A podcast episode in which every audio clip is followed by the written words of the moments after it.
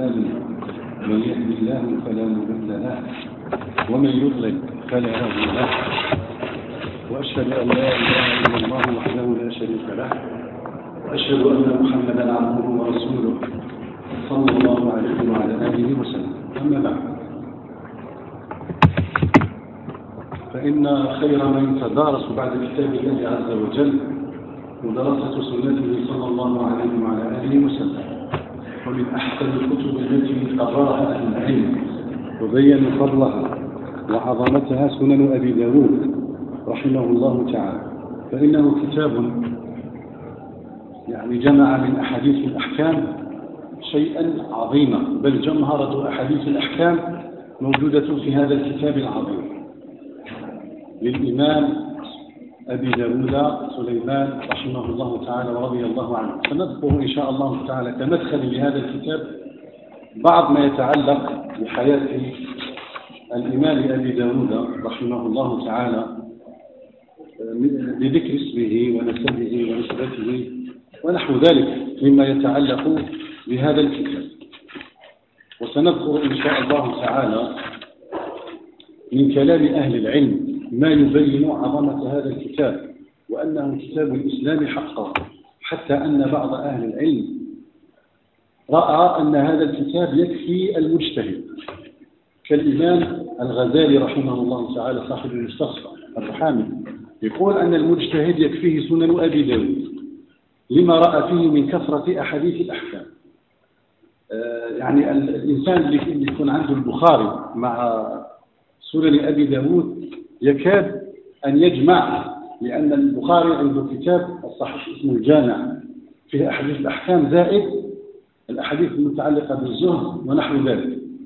أبو داود ركز على أحاديث الأحكام الأحاديث أحاديث الأحكام يعني الأحاديث التي تتعلق بالطهارة والصلاة والزكاة والحج ثم أحاديث المعاملات كالبيع والشراء والزواج والطلاق وأحاديث الجهاد وهكذا مما يتعلق بالأحكام. معروف أن الأحكام أن الحكم الشرعي هو خطاب الله عز وجل المتعلق بفعل المكلف يعني المكلف. أي فعل يفعل في حياته إلا وقد تعلق به خطاب من الله عز وجل.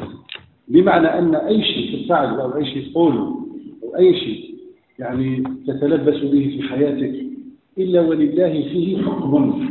علمه من علمه وجهله من جهله. لذلك يعني يعتبر هذا الكتاب بحق من أعظم كتب الإسلام. فجزى الله خيرا الإمام أبا داود. كما قال الحافظ ابن حجر قال جزى الله أبا داود خيرا كثيرا لأنه أسدى للأمة لهذا الكتاب يعني أسدى إليه معروفا عظيما جدا بحيث جمع أحاديث الأحكام ولم يكتفي بذلك بل له خطة ومنهجية في هذا الجمع لأنه رحمه الله تعالى اقتصر على الأحاديث التي ليس في أساليبها ومتونها مناكير. وقال الحديث اللي يكون منكر يعني شديد الضعف أبينه. يعني مفهوم كلامه أن الحديث اللي يسكت عنه يدور بين الصحة والحسن والضعف. أما شديد الضعف وحديث المتهم والحديث الموضوع فإنه لا يوجد في سنن أبي داود. قد يقول الإنسان لماذا وضع في كتاب السنن الحديث الضعيف؟ المتقدمون من أهل العلم لم يكونوا يهملون الضعيف مطلقا إنما كانوا يعتبرون به في مواضع. يعني الحديث الضعيف كانوا يذكرونه في فضائل الأعمال يعني الأمور اللي ما تتعلقش بالحلال والحرام. وكانوا في باب الحلال والحرام والأحكام يذكرون الحديث الضعيف حيث يكون له شواهد أو اتصال عمل من الصحابة رضي الله عنهم أو عليه قول جمهور الأمة فإنهم يعتبرون ذلك الحديث وهو الذي يسميه الترمذي في جامعه بالحسن الغريب يسميه بالحسن الغريب. هذا الحديث الضعيف الذي له شواهد تشهد له من بعيد ليس من قريب. بمعنى أنه ليس في لفظه يعني ما يشهد له من حيث اللفظ نفسه أو مما يقرب من ذلك اللفظ. إنما يشهد لمعناه بحيث لا يعرف قوته إلا أهل العلم المطلعون على السنة فيعلمون أن هذا الحديث له مثله في السنة فيقوونه. إذا أبو داود رحمه الله تعالى هو الإمام سليمان بن الأشعث ابن إسحاق ابن بشير ابن شداد ابن عمرو رحمك الله ابن عمران الأزدي أبو داود السجستاني. هو معروف بكنيته أبو داود وهو من العرب يعني أبو داود كان من العرب. وإن كان يعيش في سجستان. وسجستان الآن يعني تقتسمها إيران وأفغانستان يعني 60 من 100 60% آه، من سجستان وهو إقليم واسع ينتمي إلى أفغانستان و40% الآن ينتمي إلى إلى إيران. أبو داود إذن هو من حيث آه، نسبته هو أزدي يعني من الأزد وهم قوم من اليمن. والأزد كانوا يعيشون في اليمن ثم لما يعني تهدم سد مأرب تفرقوا في الجزيرة تفرقوا في الجزيرة وغيرها. فكان منهم من ذهب إلى سجستان وغيرهم ذهب إلى أرض الحجاز ونحو ذلك. فكان أبو داود رحمه الله تعالى من أهل سجستان. هذا الذي ذكره ابن داسة ابن داسة هذا أحد رواة السنن لأن السنن تروى بأسانيد. وقد روى سنن أبي داود يعني عدة من تلامذته سنذكرهم إن شاء الله تعالى. فكان يعيش رحمه الله تعالى في سجستان. وهذا القول في في نسبه أمثل. هذا أحسن وأقوى ما يذكر في نسب الإمام أبي داود رحمه الله تعالى وهو الذي اعتمده في الحقيقة أكثر أهل العلم وهو مشهور بكنيته يعني يعني يعني لا يليق بالمسلم أن يجهل أسماء أصحاب الكتب الستة يعني الذي الذين يدور الإسلام كله على كتبهم. الإمام محمد بن إسماعيل البخاري الإمام مسلم الحجاج النيسابوري الإمام أبو داود سليمان الأشعث والنسائي أحمد بن شعيب وابن ماجه محمد بن يزيد وقبل الترمذي محمد بن عيسى بن صبرة الترمذي. يعني خاصة طلبة العلم يعني عليهم أن يحفظوا أسماء هؤلاء العلماء الذين يعني يدور على كتبهم الإسلام. يعني ليس بعد كتاب الله عز وجل مما يعتمد مثل الكتب الستة. إذا قلنا هو إذا هو سيلستاني يعني ذكرنا الإقليم الآن أين يقع؟ قلنا يقع في تتوزعه إيران وأفغانستان. وفي الحقيقة مدينة زرنج هذه هي عاصمة الإقليم عاصمة الإقليم. وتنتمي الآن في أفغانستان زرنج. وكان يطلق عليها سجستان. لذلك يقول لكثير من أهل العلم سجستاني ويعني به زرنجي. يعني سجستان كانت تطلق على العاصمة. وسجستان إقليم يشمل العاصمة وغيرها. فكان أحيانا يطلق على من يعيش في زرنج سجستاني وهي نسبة صحيحة وإطلاق صحيح. لكن من حيث التدقيق زرنج هي العاصمة فقط وسجستان إقليم واسع كبير جدا. فكان أبو داود رحمه الله تعالى من مواليد زرنج من مواليد زرنج رحمه الله تعالى. آه، فتح المسلمون طبعا إقليم سجستان في عهد عمر بن الخطاب رضي الله عنه. وجدير بالذكر أن سجستان هو الحد الجنوبي لخراسان. خراسان كذلك إقليم واسع جدا. لاحظ باللي أهل الحديث كلهم يعني كانوا في أغلبهم كانوا من, من تلك الأقاليم. البخاري بخارى مسلم نيسابور آه، ابن ماجه قزويني أبو داود سجستاني الترمذي ترمذي ترمذي تلاحظ باللي يعني كلهم كانوا من أقاليم غير العرب وإن كان جلهم وأكثرهم من العرب من حيث النسبة لكن من حيث المولد ومن حيث التربية ومن حيث التعليم كانوا من تلك الأقاليم غير العربية. مما يدل على أن الإسلام يعني صهر الأنساب وصهر الأعراق في بوتقة واحدة وجعل القاعدة العظيمة التي يسير عليها أهل العلم إن أكرمكم عند الله أتقاكم. ولد رحمه الله تعالى سنة اثنتين ومئتين 202 للهجرة. ومن باب يعني من باب التنبيه أهل العلم يقولوا لما نذكروا الحديث الهجري يعني الأصل أننا ما نقولوش هجري. ولا نمزول في الكتابة بحرف الهاء. لأن الأصل أن هذا هو التاريخ الذي يجب أن نسير عليه. صح ولا لا؟ فالأصل أنه هو المعروف الدارج الذي لا يحتاج إلى تنبيه.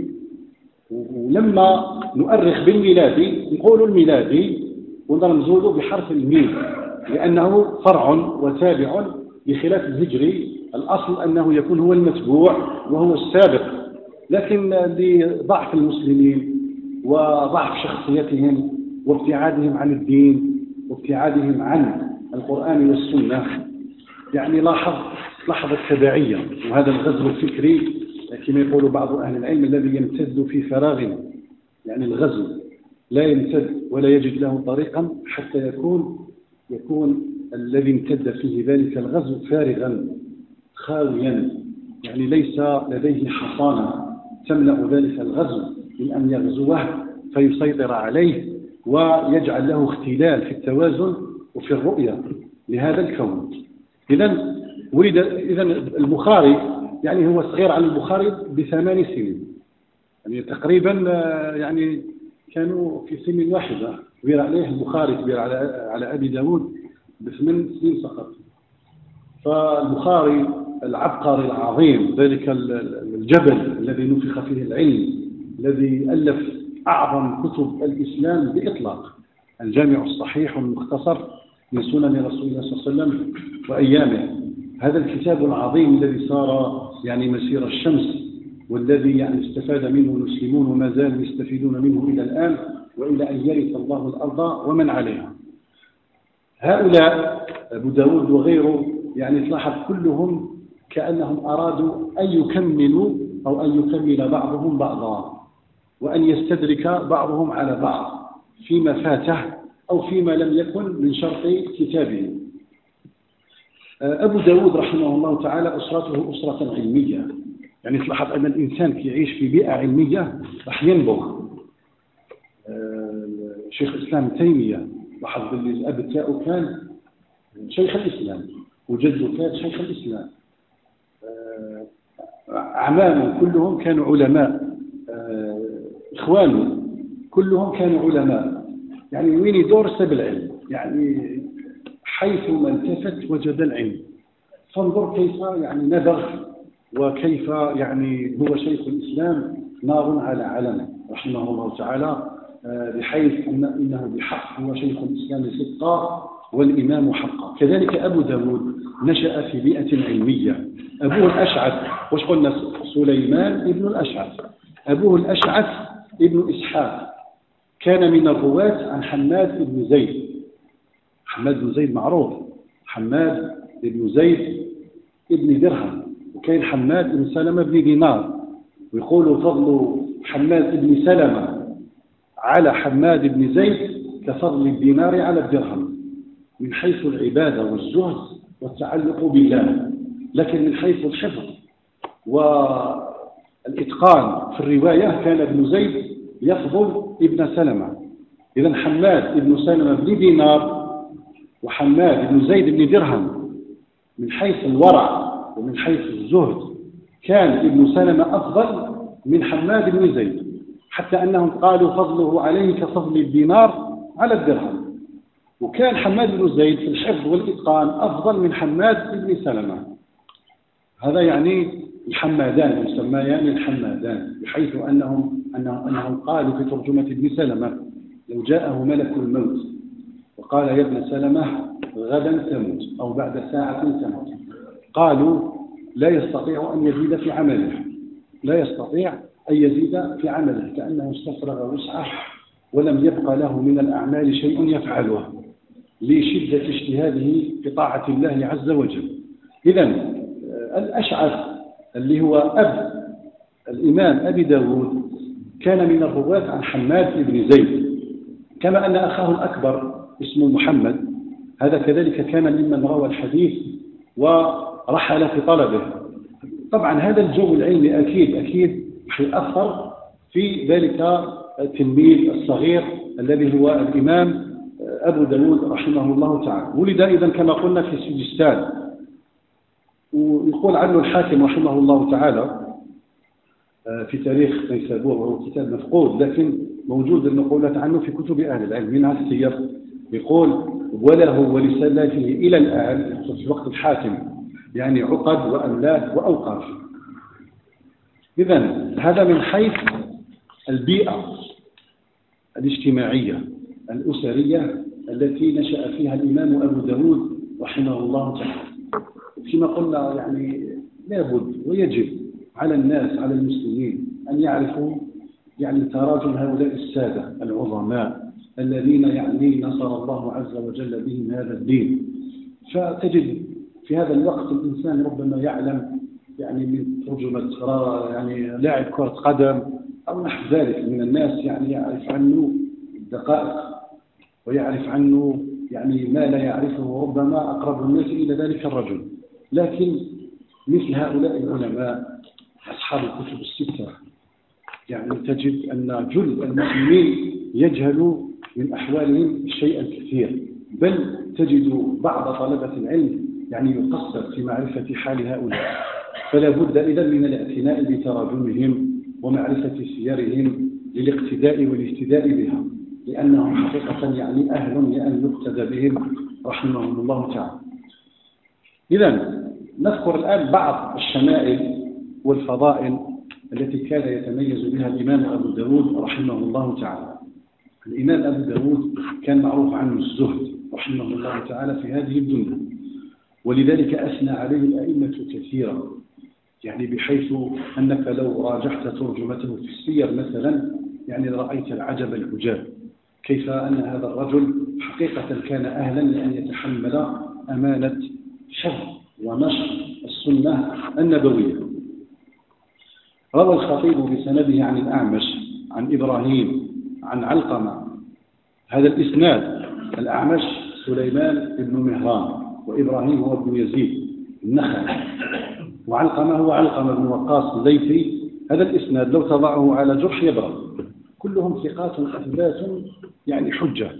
يقول كان كان كان عبد الله يعني ابن مسعود يشبه بالنبي صلى الله عليه وسلم في هديه وسنته وكان علقمة يشبه بابن مسعود كذلك. وقال جرير كان إبراهيم يشبه بعلقمة وكان منصور يشبه بإبراهيم. هذا منصور بن المعتمر هذا قارين أعمش. كذلك منصور هذا أمره عجب. كان من الثقات الأثبات العباد الزهاد يعني جمع أوصاف حماد بن سلمة وحماد بن زيد. اجتمعت في شخص واحد اللي هو منصور بن المعتمر بحيث أن أهل العلم كانوا يعني في خلاف أيهما أرجح عند الاختلاف أيرجح منصور أم الأعمش؟ بعضهم يرجح الأعمش وبعضهم يرجح منصور. فكان بعض أهل العلم رأى النبي صلى الله عليه وسلم في المنام وقد صح إسناد هذه الرؤيا كما ذكرها الذهبي في السير. قال قلت يا رسول الله أيهما أثبت الأعمش أو منصور؟ أم, أم منصور؟ وش قال خمس منصور منصور. منصور منصور. فمنصور بن المعتمر حتى يعني كان يقوم الليل وكان يطلع على السطح تاع الدار يقوم الليل. وكان يعني مقابل له بيت. يعني لما توفي منصور يعني صعدت المرأة مع ابنتها فوق السطح. فقالت البنت لأمها يا أمه يا أمه ذلك العمود الذي كان فوق سطح بيت منصور اختفى. أين هو؟ قالت يا بنية ليس ذلك بعمود إنما هو منصور. كان يقوم الليل. كانت كل ما تخرج تبوه عمود لكثرة صلاته وقيامه بحيث أنها كلما تصعد تجده يصلي فظنت أنه عمود مسكينا. وهو, وهو كان يقوم الليل ولا يفطر رحمه الله تعالى. وقال غير جرير كان سفيان سفيان هو بن سعيد الثوري يشبه بمنصور. وقال عمر بن أحمد قال أبو علي القهستاني وكان وكيع يشبه بسفيان وكيع بن الجراح. وكيع بن الجراح اللي يقول عنه الذهبي في السير كان يصوم الدهر. ويقوم الليل كله. هكذا في ترجمته رحمه الله تعالى. وكان يقول الذهبي رحمه الله تعالى وهذه عبادة يخضع لها. صح ولا لا؟ ولكن ليس هكذا. كان هدي النبي صلى الله عليه وسلم يا إمام الأثرية. يقصد يعني الانتقاد على وكيع ابن الجراح بأدب يعني وحكمة. يقول هذه عبادة يخضع لها. يعني سهل الانتقاد سهل لكن لابد من يعني الاعتراف بأن مثل هذه يصوم الضحى ويقوم الليل كله. سبحان الله تعالى. هذا شكون اللي يقدر يفعله؟ يعني نادر من النوادر. لكن من حيث هدي النبي صلى الله عليه وسلم أنه كان يقوم نصف الليل وينام سدسه ويقوم ثلثه وكان يقول أفضل الصيام صيام داوود. يعني يصوم يوما ويفطر يوما. وخير الهدى هدى محمد صلى الله عليه وعلى آله وسلم. وكان أحمد بن حنبل يشبه بوكيع. وكان أبو داود يشبه بأحمد ابن حنبل رحمه الله تعالى ورضي الله عنه. آه، عزة نفسه يعني وتسويته بين الشريف والوضيع في العلم. يعني كان أهل العلم آه، لمثل أبي داود. كسفيان الثوري وغيره كانوا الفقراء يتمنى كانوا الأغنياء يتمنون في مجلسهم أن يكونوا فقراء. لشدة اعتنائهم بالفقير وتقديمهم إياه بحيث أن الغني يتمنى لو كان فقيرا فيفعل به سفيان أو أبو داود مثل ما يفعل بذلك الفقير. لشدة رغبتهم في الله وسقوط الدنيا من أعينهم ومن قلوبهم رضي الله عنهم. الآن هم يذكروا قصة معروفة آه، مع الأمير الموفق الذي كان ولي عهد الخليفة في ذلك الوقت. يعني فيها عبرة في كون الإمام أبي داود رحمه الله تعالى كان عزيز النفس وكان رحمه الله تعالى لا يفرق بين الغني والفقير والشريف والوضيع في العلم والتحليل. بخاري رحمه الله تعالى لما ذهب إلى يعني نيسابور وقال له الأمير يعني تعال إلى القصر فحدث أولادي قال البخاري العلم لا يأتي العلم يؤتى إليه. معروف البخاري رحمه الله تعالى. بعد الأمير غضب عليه ومنعه من التحديث. فخرج رحمه الله تعالى وذهب إلى قرية خرطنك وقد حسده القوم وتوفي في خرطنك عند أقاربه رحمه الله تعالى. فيعني القصة تقول يعني كان له مجلسا خاصا بهم للرواية. يعني الخليفة أو ولي العهد يعني طلب من أبي داود يخصص يعني مجلس لأولاده في القصر. يقول له أبو داود أما هذه فلا سبيل إليها لأن الناس شريفهم وواضعهم في العلم سواء وهي شديدة ما تحسبهاش سهلة. ما تحسبش حاجة سهلة. يعيط لك ولي العهد يعيط لك للقصر. يقول لك ماذا بيك تفرز؟ لأهل بيتي مجلسا لسماع حديث رسول الله.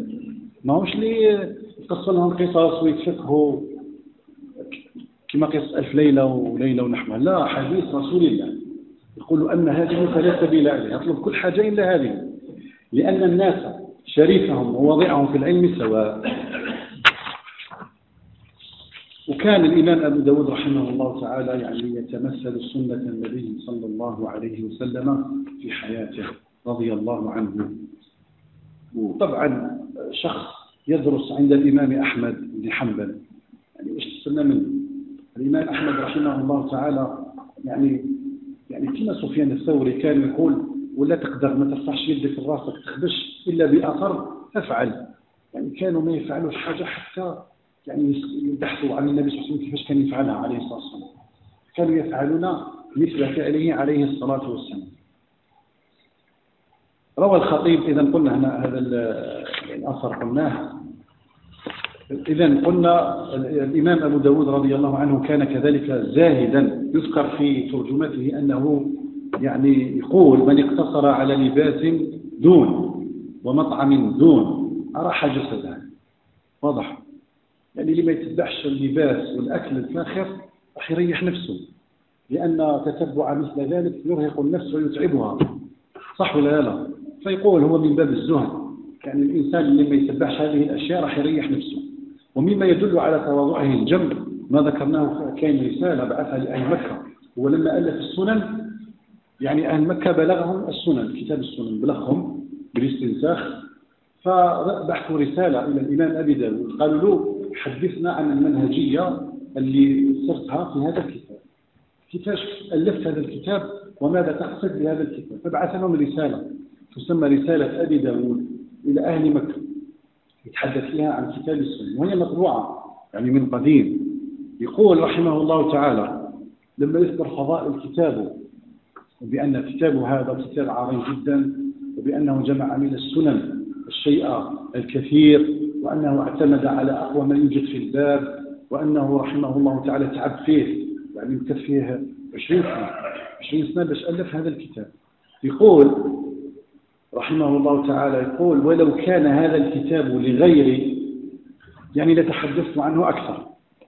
يعني ما قدرش يتحدث عن مزايا كتابه خوفا على نفسه من أن يدخلها العجب أو يظن به ذلك. قال لو كان هذا الكتاب ألفه غيري لحدثتكم عن قضائله كثيرا.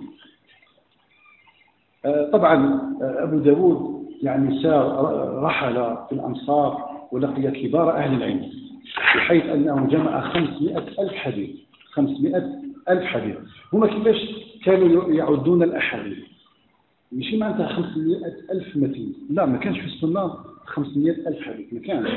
لكن كانوا يعدون الحديث. إذا جاء من طرق أحاديث. مثلا حديث إنما الأعمال بالنيات.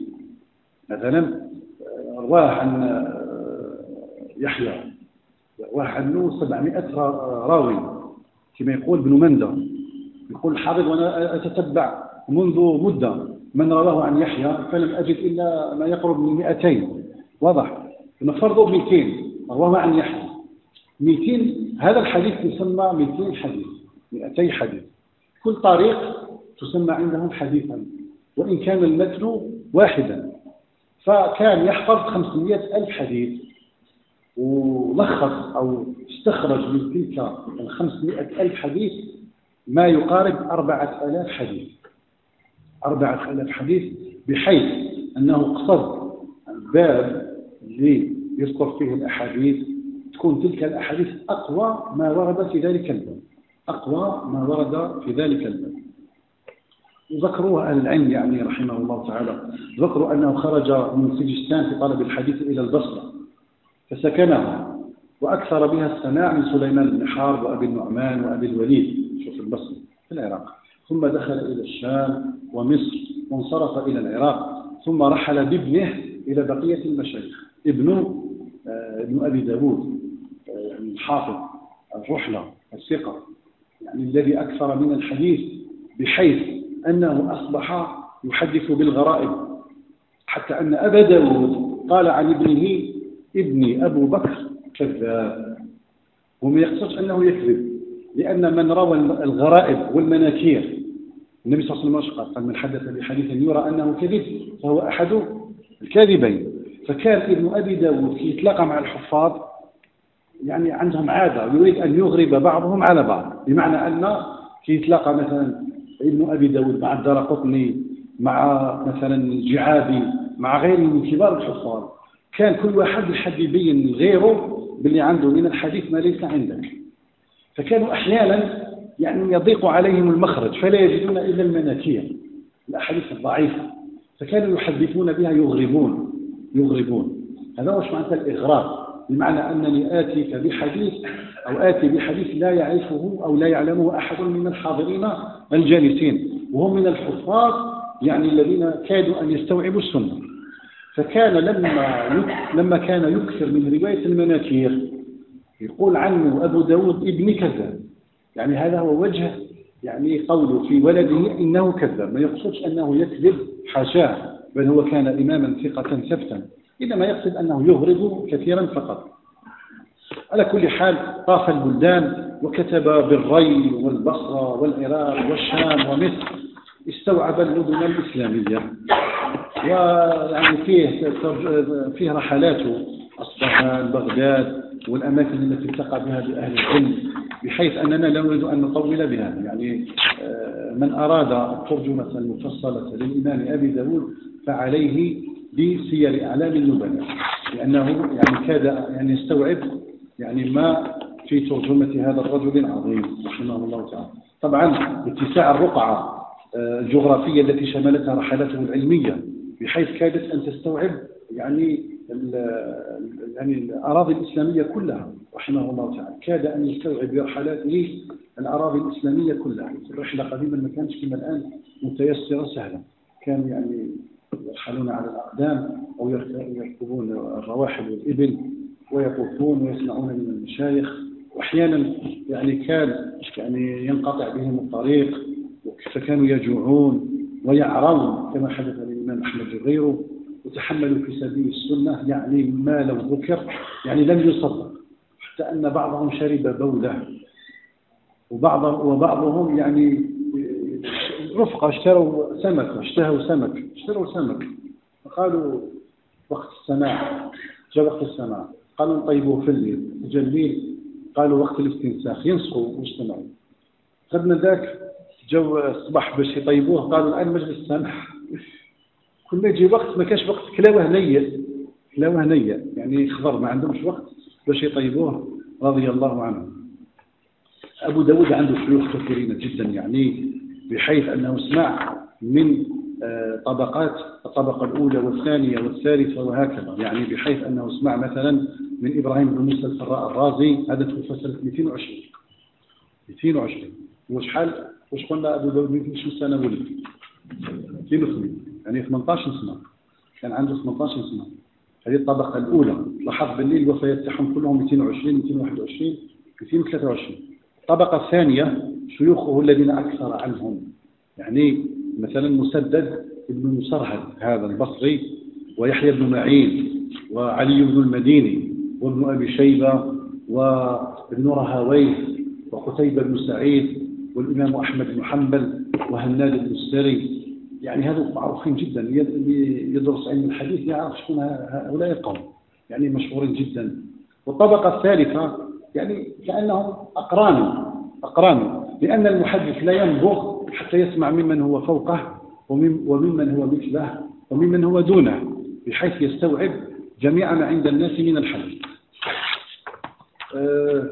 بالنسبة لكتاب السنن الآن تلاميذ أبي داود كذلك نذكر بعض تلاميذ أبي داود قلنا قلنا معرفة يعني أوصاف هؤلاء القوم حقيقة يعني تثير في النفس يعني الهمة والنشاط والرغبة في طلب العلم بحيث والزهد في الدنيا والتعلق بالله. وتلاحظ إبراهيم عليه السلام قال واجعل لي لسان صدق في الآخرين. يعني تلاحظ هذا الناس يعني لا يذكر رسول الله صلى الله عليه وسلم إلا ذكر معه ذكر معه. كما قال الله عز وجل ورفعنا لك ذكر للنبي صلى الله عليه وسلم. يعني لا يذكر الله إلا ذكر معه رسول الله. في الآذان أشهد أن لا إله إلا الله أشهد أن محمدا رسول الله. كذلك في سنن النبي صلى الله عليه وسلم. قال رسول الله قال رسول الله قال رسول الله فعل رسول الله فعل رسول أقر رسول الله صلى الله عليه وسلم كذا. رواه أبو داود رواه الترمذي رواه النسائي رواه ابن ماجه. صح ولا لا؟ تلاحظ هؤلاء القوم حقيقة رفع الله لهم ذكرهم يعني وجعل لهم لسان صدق في الآخرين. فمن تلامذته الإمام الترمذي صاحب السنن محمد بن عيسى بن ثورة. الترمذي توفي سنة 279 روى عنه الترمذي في الحقيقة في الجامع اللي هو السنن. ثلاث أحاديث ثلاث أحاديث النسائي كذلك من تلامذته. النسائي آه، خلال اللي هو تلميذ الإمام أحمد رحمه الله تعالى أبو عوانة صاحب المستخرج. أبو عوانة صاحب المستخرج الذي استخرج به على صحيح مسلم. وقد طبع المستخرج ويتميز بأنه كتاب استخرج به على مسلم. وسنذكر معنى الاستخراج. فيه زوائد كثيرة جدا في الأحاديث. وهذا المستخرج طبع في الجامعة الإسلامية في المدينة. كان فيه من مجلدات من مجلدات مخطوطات جمعهم من العالم. مخطوطة من برلين مخطوطة من تركيا مخطوطة من فرنسا. كيفاش توزعت؟ هو كتاب واحد لكن أجزاء توزعت على الدنيا. قال المجلد الأخير لم يجدوا له أثرا. فطبعوا الكتاب. قالوا خلاص عجزنا.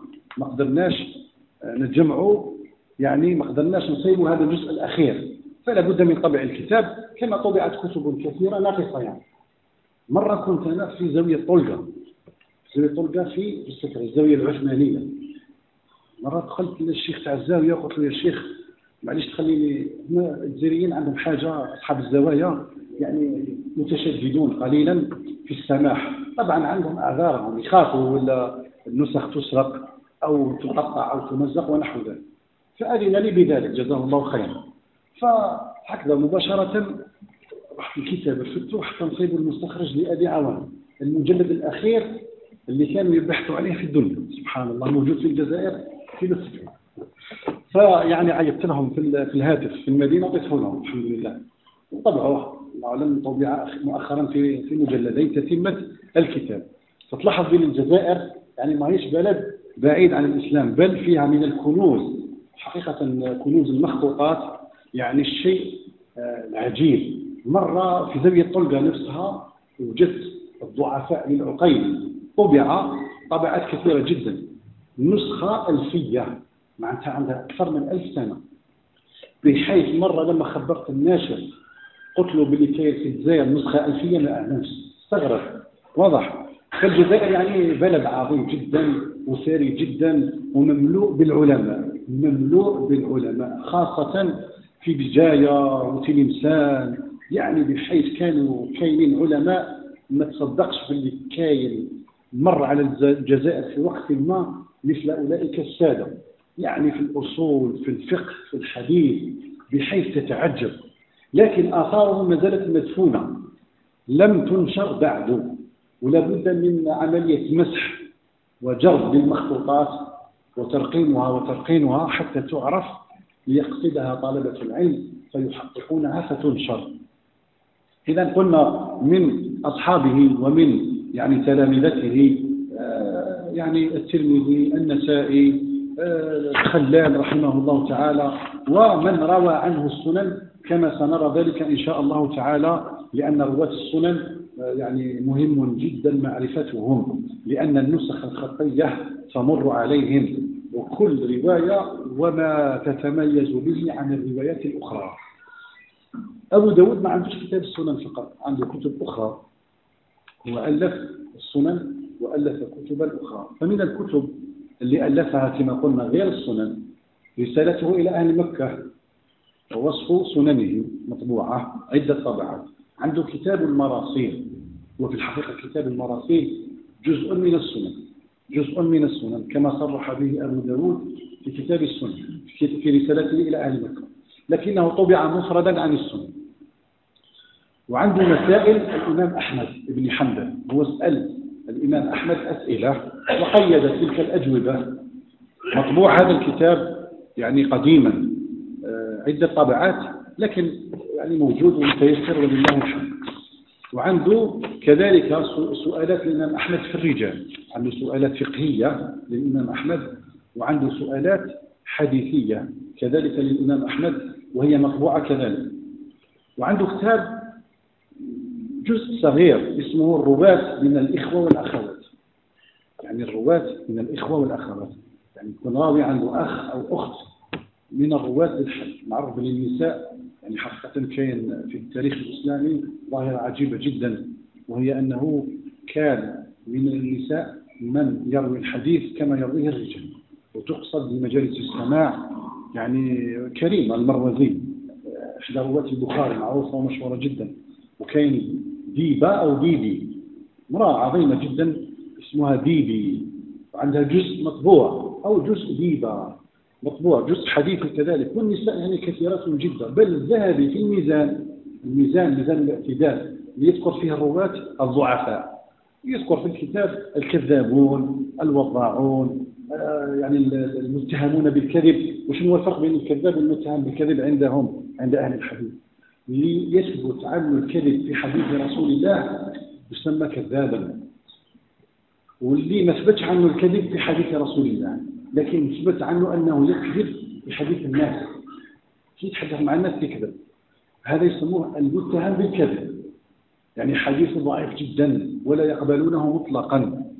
يعني حتى ولو جاء من مئة طريق. مئة طريق. كلها فيها من هو متهم بالكذب يساوي صفر. لا لا لا يعتبرونه ولا يقوونه ولا ينظرون إليه. عنده كتاب عنده كتاب كذلك. الرواة قلنا للإخوة والأخوات سؤالات أبي عبيد الآجري أبا داود هذا مطبوع كذلك هو كتاب عظيم جدا. الآجري معروف. الآجري يعني عنده أسئلة عظيمة جدا للإمام أبي داود مطبوعة في مجلدين. وكتاب الزهد هذا طبع في الهند وعنده تعليقات لمحمد عمرو عبد اللطيف صاحب طريق الصحيفة رحمه الله تعالى. كذلك كتاب نفيس جدا. وعنده كتب مفقودة يعني لم توجد. ذكرها أهل العلم في ترجمته لكن هي في حكم المفقود. لعل الله عز وجل ييسر يعني الوقوع عليها فتطبع. كما يسر عز وجل يعني كثير مثلا مثلا يستخرج على سنن أبي داود آه، لأحد علماء الأندلس الذي هو أيمن. وجدت قطعة منه كبيرة جدا ولله الحمد كان في حكم المفقود. وهكذا كل يوم راهم يكتشفوا مخطوطات كانت يعني في حكم المفقود ولله الحمد. إذا عنده من الكتب المفقودة الناسخ والمنسوخ الرد على أهل القدر البحث والنشور التفرد التفرد في الدين دليل النبوة مسند مالك فضائل الأنصار المواقيت الطهارة الكبير فضائل رمضان والست من شوال والعشر عاشوراء مناسك الحج الأكبر القضاء الكبير الإيمان قول وعمل أعلام النبوة. شوف يعني من المكثرين. هو كتاب المبتدا يعني كتاب في التاريخ من مولد موسى عليه السلام إلى انقضاء غرق فرعون وأخبار بني إسرائيل ونحو ذلك. أنت لاحظ اللي هو من المكثرين. من المكثرين وأهل العلم يعني يعتنوا بالمؤلفين من العلماء والمكثرين منهم حتى أن بعضهم ألف من يعني العلماء اللي ألفوا أكثر من ألف كتاب. من ألف كتاب. منهم ابن الجوزي. مش ابن القيم الجوزي لا ابن الجوزي صاحب سيد الخاطر وغيره. عنده أكثر من ألف كتاب. شيخ الإسلام ابن تيمية كذلك من أصحاب الألف كتاب وغيره من أهل العلم الذين ألفوا كثير الآن مكانة أبي داود العلمية يعني الدرجة العلمية التي بلغها أبو داود رحمه الله تعالى. بلغ درجة الإمامة في الفقه. شيخ الإسلام ابن تيمية سئل عن الأئمة الستة البخاري مسلم أبو داود الترمذي النسائي بن منزلتهم في الفقه منزلتهم في الفقه. أذكر بأن النسائي وابن ماجه يعني هم يتبعون الشافعي رحمه الله تعالى. لما ذكر طبعا مسلم كذلك هو على مذهب الشافعي. لما ذكر البخاري وأبو داود قال هذا الزوج يعني من أهل الاجتهاد المطلق. أبو داود وإن كان البخاري أكثر منه اجتهادا لكن أبا داود من أهل الاجتهاد من أهل الفقه الذين دققوا كما سنرى إن شاء الله تعالى في تبويباتهم فقه البخاري من موجود في أبوابه. كذلك فقه غيره من أهل العلم من أصحاب الكتب الستة وغيرهم. فقههم موجود في الكتاب. يعني المعاني التي استنبطوها من الحديث وضعوها على شكل أبواب باب كذا وكذا باب كذا وكذا. سنرى إن شاء الله تعالى أن الإمام أبا داود بحق إمام عظيم في الفقه رحمه الله تعالى.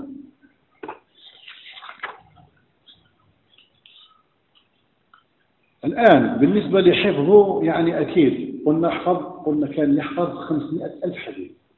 بخاري يقول 100 ألف وفي رواية 200 ألف. الإمام أحمد ألف ألف يعني مليون مليون حديث. من ألف ألف. وهذه ما معيش قصص خيالية هذا قصص حقيقية. بأسانيد ثابتة كالشمس وضحاها. واضح. أبو زرعة الرازي قالوا له كم كان يحفظ الإمام أحمد؟ قال كان يحفظ ألف ألف حديث. قالوا له كيفاش عرفت كيفاش عرفت بلي يحفظ ألف ألف حديث؟ قال لهم كنت في منزل بغداد كان كنت أذاكره على الأبواب. يقول له الإمام أحمد كان كثير العبادة كثير التنفل كان ينزل أبا زرعة يوقف كاع العبادة يتفرغ لأبي زرعة يتذاكران الحديث. يقول فكنت أذاكره على الأبواب. مثلا يقول في باب المسح على الخفين مثلا في حديث كذا وكذا وكذا وكذا جاء من طرق من طريق كذا وكذا وكذا وكذا. فعملية العد ممكنة جدا. فكان يحفظ ألف ألف حديث. وأبو زرعة كان يحفظ سبعمائة ألف حديث. واضح وشرحنا وش معنى الأحاديث. يعني الحديث اللي يأتي من مئة طريق يسمى مئة حديث. وكذلك أحاديث الصحابة الموقوفات. يعني أقوال الصحابة ما هيش أقوال النبي صلى الله عليه وسلم. تسمى أحاديثا كانوا يحفظونها. والمقطوعات اللي هي مثلا تفاسير. تفسير مجاهد وتفسير قتادة وتفسير غيره. كلها تسمى عندهم حديثا فكانوا يسمونها كذلك أحاديث. فكان يحفظ يعني مليون حديث. هذا الإمام أحمد. وأبو داود كان يحفظ خمسمائة ألف حديث. خمسمائة ألف حديث. وكانت همتهم متعلقة إلا بالعلم. حتى أن الفربري والراق الإمام البخاري الوراق هو اللي يعني يقرأ. في مجلس السماع يقرأ للمستمعين الأحاديث. الوراق هو هذا هو المعنى فيها وعندهم معنى معنى الذي ينسخ الكتب كذلك يسمى وراقا يقول الفربري يقول كنت نتعجب من البخاري. يرقد ويطفي المصباح. من بعد مباشرة يقوم يوقد المصباح ويكتب. بعد يعاود يطفي المصباح ويعاود يرقد. بعد يعاود ينوض ويشعل المصباح ويكتب. ويفعل هذا مرارا وتكرارا في الليلة الواحدة. البخاري ألف الصحيح في سبعة عشر سنة مش سهلة. ما, ما نحسبوش اللي هذه الكتب جاءت هكذا. إنما جهيد وبذل دماء وأموال وسهر وتعب ودقة بحيث أن الثقة عندهم. يقول يحيى بن معين ما نتعجبش من الرواة اللي ضعفوهم أهل العلم؟ ما نتعجبش منهم؟ نتعجب من الرواة اللي وثقوهم لأنهم ما كانوش يوثقوا الرجل حتى يعصروه عصرا ويختبرونه اختبارا بحيث يتأكدوا بأنه تحت أي ظرف مستحيل يكذب مستحيل يزيد حرف. قول يحيى كنت شاك في رجل وما قدرتش نوجد عليه حاجة تثبت وش كنت نعتقد فيه. فتتبعته أربعين سنة. أربعين سنة هو يتبع فيه حتى عثرت له على ما أوجب سقوطه عندي لاحظ باللي هذو ما كانوش يلعبوا كانوا يجتهدوا وكانوا يعتبروا هذه السنن هي الدين. فكانوا يحتاطون لها جدا. ويعني ويتشددون جدا ولا يقبلون الحديث إلا من استقاط الأثبات. وإذا رووا عن غيرهم رووا تلك الأحاديث في ضوء قواعد ومناهج. ليس هكذا فقط كما سنذكر ذلك إن شاء الله تعالى. إذا أبو داود يقول آه، كتبت عن رسول الله صلى الله عليه وسلم 500 ألف حديث. انتخبت منها ما صنفته في هذا الكتاب يعني كتاب السنن. هذه من حيث الحفظ. لكن المذاكرة كان يذاكر بمئة ألف حديث لأن الحفظ والكتابة غير المذاكرة. يعني حفظه في المذاكرة كان مئة ألف حديث. كي ذاكر غيره يقدر يستوعب ويستحضر مئة ألف حديث.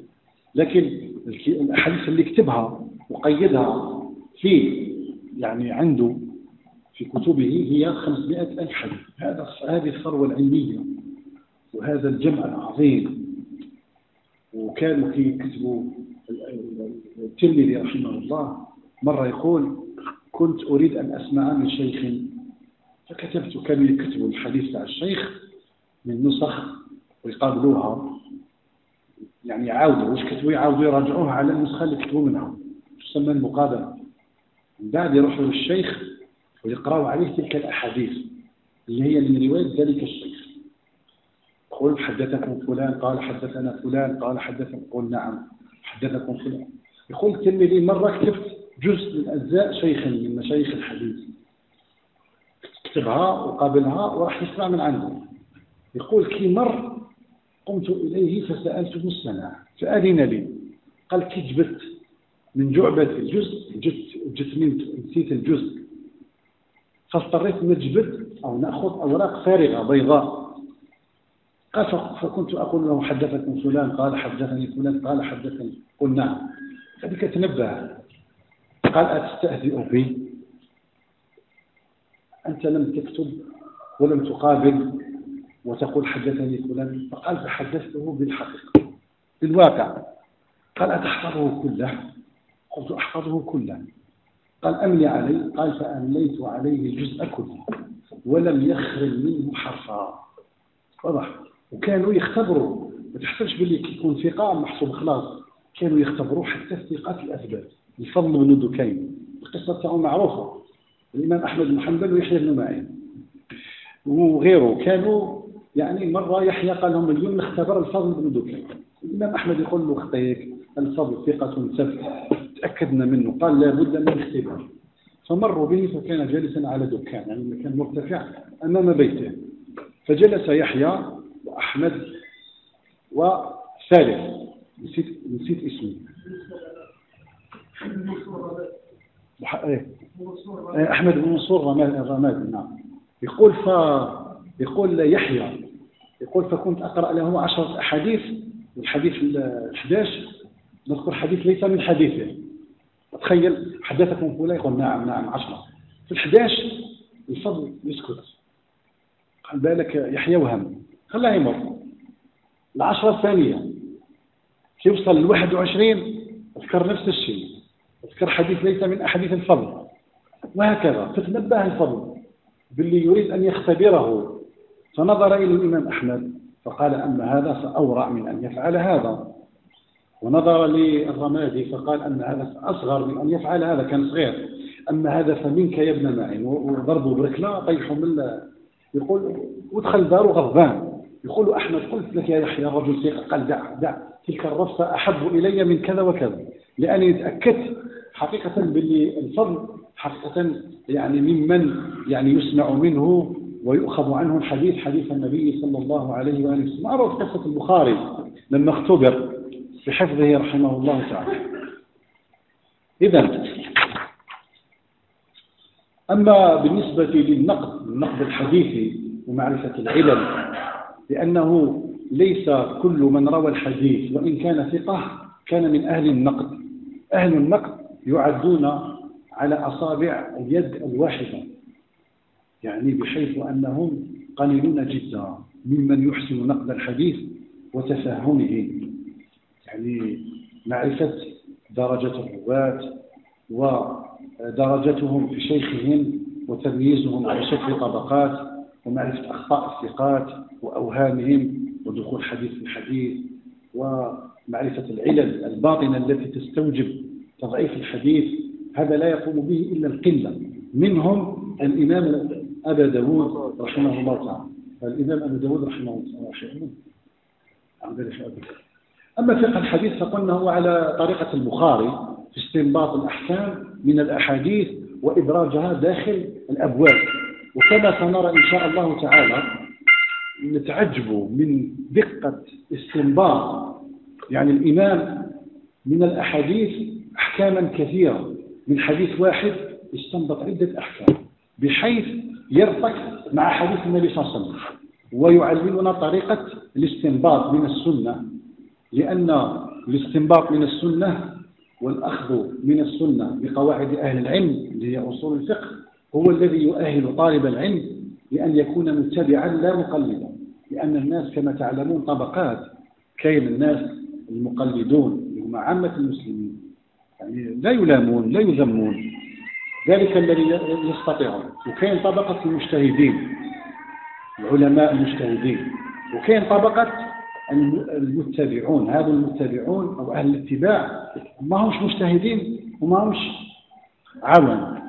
يعني بين بين يقدروا يعني يستنبطوا أو أو يفهموا استنباط العلماء للأحكام من النصوص لأنهم يعلمون علم أصول الفقه وعلم أصول الفقه هو الآلة التي يعني تستنبط بها الأحكام من الأدلة بحيث لا يمكن أبدا أبدا معرفة الأحكام الشرعية من أدلتها التفصيلية إلا بهذا العلم العظيم الذي يعني يفتخر به أهل العلم والمسلمون جميعا هو علم الحديث. يعني مرجليوس هذا من كبار المستشرقين لما درست علم مصطلح الحديث انبهر. قال ليفرح المسلمون بعلم الحديث مما شاءوا. يعني تلاحظ باللي ابن حزم لما انقد التوراة والإنجيل في كتاب الفصل في الملل والنحل ويسمى بالفصل لكن الصحيح في اسمه أنه الفصل. وقد يعني خرجت طبعة علمية عظيمة جدا ونشرة محققة يعني حقق فيها صاحبها الاسم الصحيح الكتاب ابن حزم لما انقد الإنجيل والتوراة قال لهم بين مثلا رواة الأناجيل لوقا ومتى ويوحنا. بينهم وبين عيسى مفاوز تنقطع فيها أعناق الإبل. يعني الاتصال. الناس اللي كتبوا اللي كتبوا النسخ اللي كتبوا النسخ تاع الأناجيل وبين اللي كتب التوراة وموسى يعني صحراء شاسعة. إحنا المسلمون لو واحد يحدثنا عن النبي صلى الله عليه وسلم قلنا فقط شحال كان عنده من شعر شيبة في لحيته عليه الصلاة والسلام بأبي هو وأمي عليه الصلاة والسلام. ويكون ذلك الحديث مرسل. يعني تابعي تابعي قال قال رسول الله ولا كان رسول الله يفعل كذا أهل العلم يقولوا هذا حديث ضعيف. يعني بين التابعي والنبي صلى الله عليه وسلم ربما صحابي فقط ربما وربما تابعي مثله. تلاحظ كيفاش يعني علم الحديث هذا وعلم أصول الفقه هو هما الجناحان اللذان يطير بهما طالب العلم في أفق سماء العلم وبهما يستطيع التحليل والخروج من دائرة التقليد إلى دائرة الاتباع وإذا فتح الله عز وجل عليه يصير من أهل الاجتهاد. إذا كما قلنا أبو داود رحمه الله تعالى كان يعتني بالفقه كثيرا. الآن نذكر بعض يعني كلام أهل العلم في أبي داود.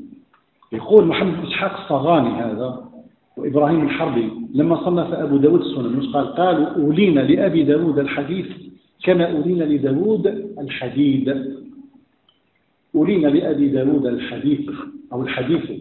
كما أولينا لداود الحديث. معروف داود عليه السلام يعني ألن له الحديث. كان الحديد يقول أهل التفسير كان يعني يقدر يعني يصنع من الحديد بحيث كان الحديد في يده كما العجينة في يد أحدنا يعني بتقدير الله عز وجل له ذلك الحديد بنذوبه بالنار وتضربه بالمطارق باش يتعوج لك شوية.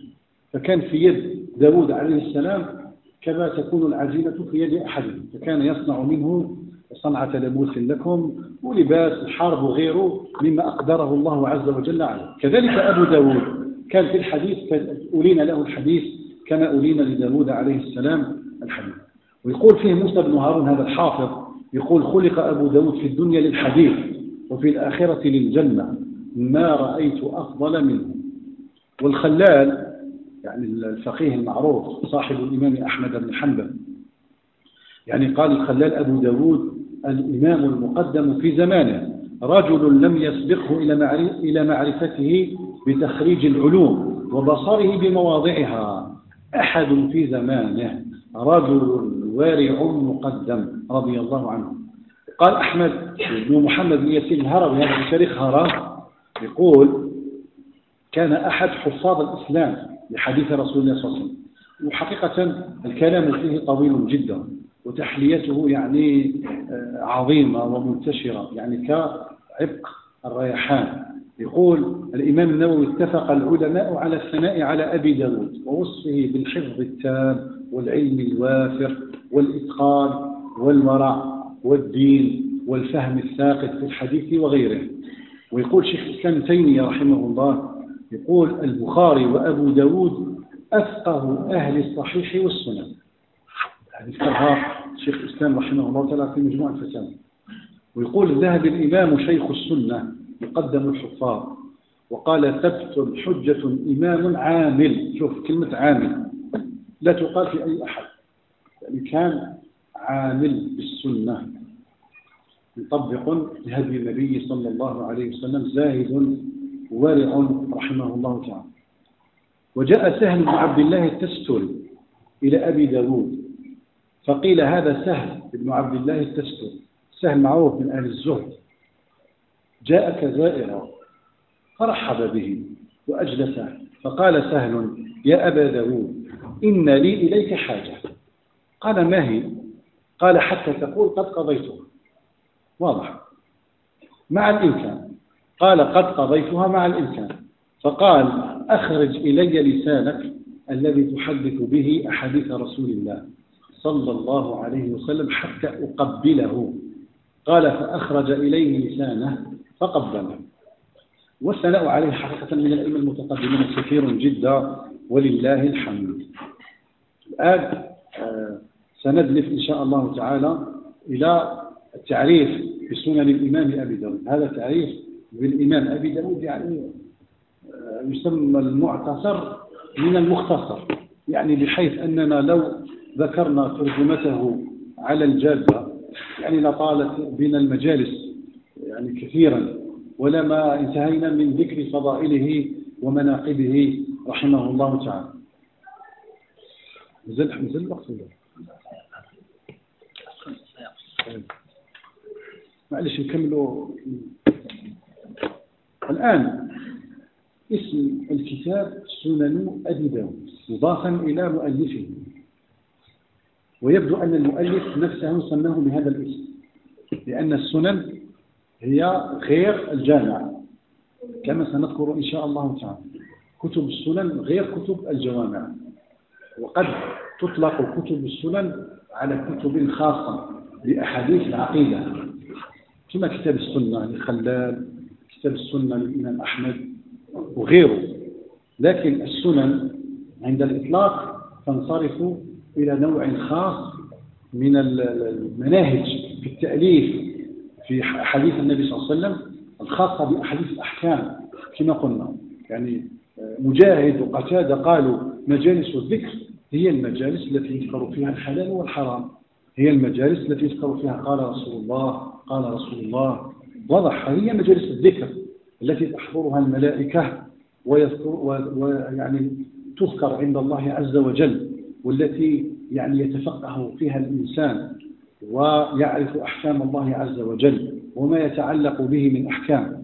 فبدون طلب العلم يبقى الإنسان في عماية وجهالة. فلا بد من طلب العلم يعني للكبار وللصغار وللنساء وللصبيان لابد من إشاعة السنن ونشرها ويعني حتى تظهر أنوارها وعند ذلك تختفي غرمات البدع وتنكمش في جحورها صح ولا لا؟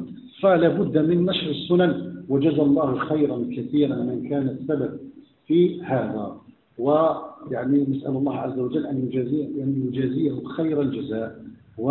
ولأن الدال على الخير كفاعله وميسر. هذه الأمور كأنه هو الذي يفعلها. فيعني جزا الله خيرا كل من كان سببا في هذا. الموضوع موضوع الكتاب. إذا كما قلنا موضوع الكتاب هو أحاديث الأحكام. قلنا الحكم هو خطاب الله المتعلق بفعل المكلف. وإحنا عندنا في حياتنا اليومية نمارس الطهارة الصلاة صلاة الجنازة نمارس البيع الشراء الطلاق الزواج صح نمارس أشياء كثيرة جدا. يعني المباحات المحرمات المكروهات الواجبات المستحبات. هذه الأشياء مما تعلم.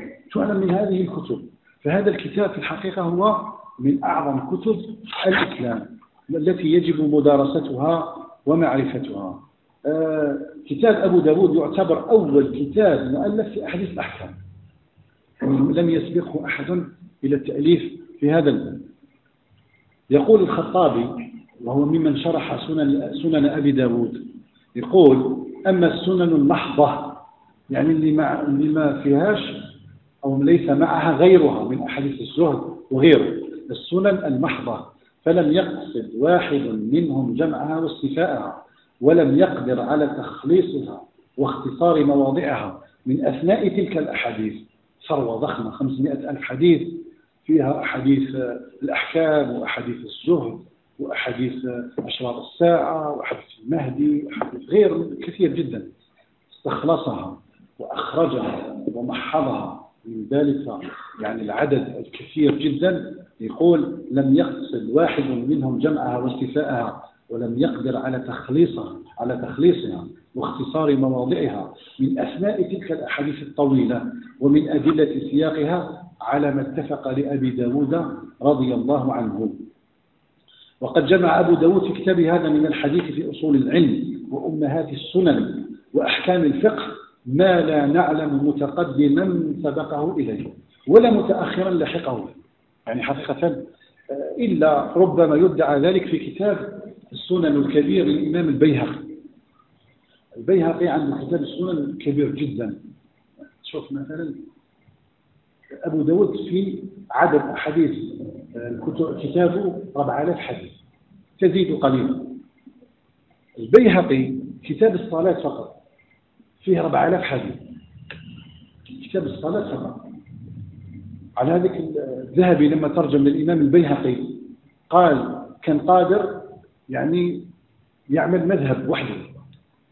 وما كانش إنسان إلا من الشوافع إلا وللشافعي عليه منا إلا البيهقي.